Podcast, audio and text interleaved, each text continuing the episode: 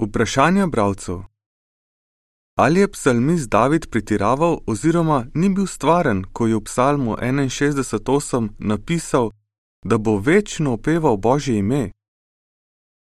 Ne, to, kar je David napisal, je resnica. Razmislimo o tem, kar je napisal v tej in podobnih vrsticah. Večno bom opeval tvoje ime. O Jehova, moj Bog, z vsem svojim srcem te hvalim, večno bom slavil tvoje ime. Hvalil bom tvoje ime vedno, vso večnost. Psalm 61:8 in 86:12 ter 145:1 in 2. David ni pretiraval, ni mislil, da ne bo nikoli umrl. Vedel je, da je Jehova kot kazen za greh določil smrt in priznal, da je tudi sam grešen. Jasno mu je bilo, da so umrli tudi tisti, ki jih je Bog odobraval, kot so bili Abraham, Izak in Jakob. Zavedal se je, da se bo tudi njegovo življenje enkrat končalo. Toda iz psalma 61.8 se vidita njegova želja in odločenost, da slavi Boga večno oziroma dokler bo živ. David je včasih pisal o svojih preteklih izkušnjah, kot lahko vidimo iz nadpisov 18., 51. in 52. psalma.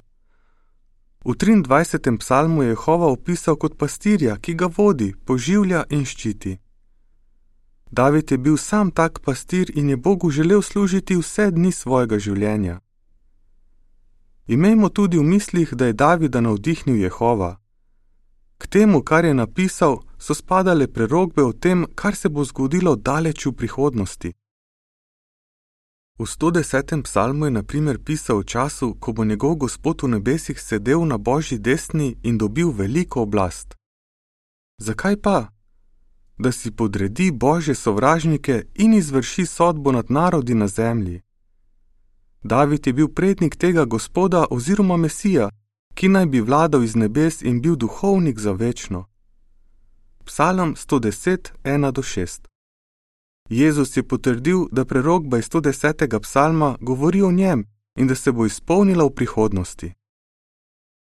David je torej po navdihnjenju pisal v svojem času in v prihodnosti, ko bo obojen in bo lahko večno slavil Jehova. Zato lahko psalm 37, 10, 11 in 29 razumemo kot opis razmer v starem Izraelu in razmer, ki bodo vladale po vsej zemlji, ko bo Bog izpolnil svoje obljube.